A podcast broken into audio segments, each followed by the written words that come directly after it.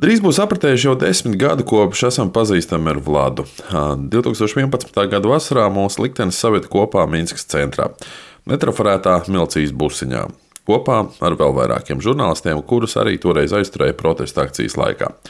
Kopš tā laika bieži esmu manījis Vladu pazibam kādos video materiālos, pildot viņa tiešos darba pienākumus, proti, fotografējot dažādus skaļākus un mazāk skaļus notikumus Baltkrievijā. Arī šī gada pirmo protestu laikā, kas izvērtās negaidīt nežēlīgi, Latvijas bija pašā notikuma epicentrā, pirmajās rindās. Я бы сказал, что я снимал между первыми рядами. Nu, тогда как бы ощущения не было, просто делал свою работу, да. Varētu teikt, ka es fotografēju, atrodoties starp pirmajām rindām. Toreiz nekādu īpašo sajūtu nebija, vienkārši darīju savu darbu. Tikai pēc tam sāc saprast, kas tur patiesībā notika. Jā, es redzēju ievainotos un ar dažiem aprunājos. Par vienu puisi ārsti vispār neprognozēja, ka viņš varētu izdzīvot, bet viņš izdzīvoja un viss kārtībā. Viena meitene joprojām nedzird ar vienu ausi, ir jau uztaisītas vairākas operācijas, bet nekas nepalīdz. Tajā brīdī kaut kādu baiļu pilnīgi nebija, jo neviens jau faktiski nebija gatavs tam, ka vardarbība būs tik nežēlīga. Ka būs šķembu granātas, ka būs gumijas lodes, varētu teikt, ka man toreiz paveicās. Kaut kas pie kājām uzsprāga, bet it kā necietu. Vienīgais, ka dzirde uz pāris dienām kļuva sliktāka, bet pēc tam pārgāja. Слух на пару дней так немного хуже стал, ну, слышать стал, но потом прошло все, немного оглушило.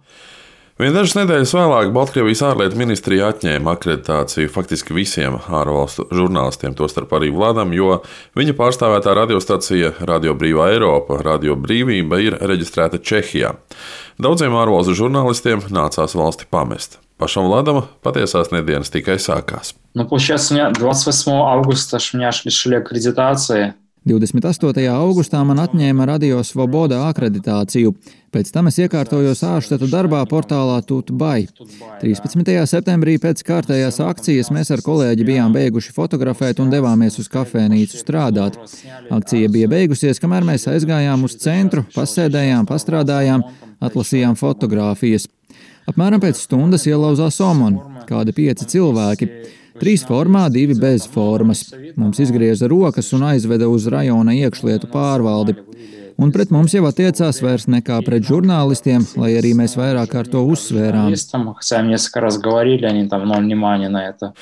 Lats izrādījās viens no pirmajiem žurnālistiem, kurš tika aizturēts. Viņš stāsta, ka jau ierodoties Milcīs iecirknī tika likts parakstīt iepriekš sagatavots protokols, vēlāk gan tiesnese bija konstatējusi nepilnības un pēc pārstrādes protokola jau atbilduši Miliču sniegtajām liecībām. Saņemtais sots 11 diennakšu arests izrādījās salīdzinoši maigs, jo tagad par minimālo standartu jau ir kļuvušas 15 diennakts.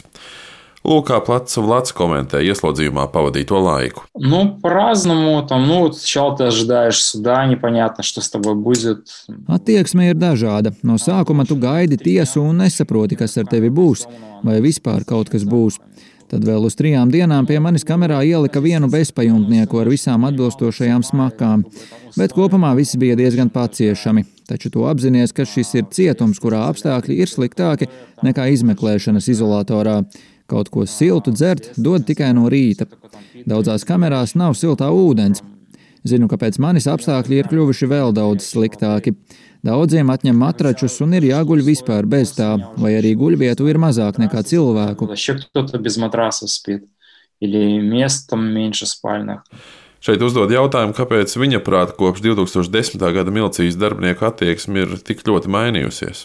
Да, я как бы уже много про это думал и слушал экспертов. Es esmu daudz par to domājis un arī klausījies dažādus ekspertus. Man liekas, ka ir visatļautība un viņiem ir dota atļauja darīt visu, ko viņi vēlas. Ja agrāk viņi jūta, ka viņus varētu sodīt, tad tagad viņi saprot, ka neviens nesodīs. Taču viņi tomēr baidās, slēpj acis zem maskām, un es redzēju, ka slēpj arī uzplečus, lai nevarētu uzzināt viņu dienesta pakāpi.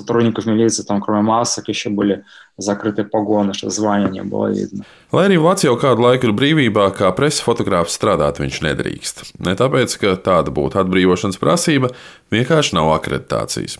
Un tāds pats liktenis ir piemeklējis arī daudzus citus kolēģus, kuru centieni atgriezties pilnvērtīgā darbā līdz šim nav bijuši veiksmīgi. Papildu tam, ar vien lielākam skaitam mediju, īpaši interneta vidū, tiek atņemts masu saziņas līdzekļu status. Starp šādiem medijiem jāpiemina arī, piemēram, populārākais Baltkrievijas interneta portāls Tudbai. Tāpēc pašlaik nākas tikai samierināties ar neskaidrību un gaidīt. Уже большинство журналистов не может работать. Ну, пишущим там попроще, Они могут какую-то информацию получить, написать. Jau vairums žurnālistu nevar strādāt. Rakstošajiem varbūt ir nedaudz vieglāk, bet fotogrāfus var aizturēt tikai par to, ka esi izgājis ar kameru uz ielas. Visi gaida kaut kādas pārmaiņas un cer uz akreditāciju, bet nekas nav saprotams. Es personiski neredzu neko, kas varētu notikt, lai mēs atgūtu akreditāciju un varētu strādāt. Pat ja tev tā akreditācija būs, nav garantēts, ka varēsi brīvi strādāt. Oktobrī jau uz diennaktīm sēdināja žurnālistus ar akreditāciju, kaut gan viņi darīja savu darbu.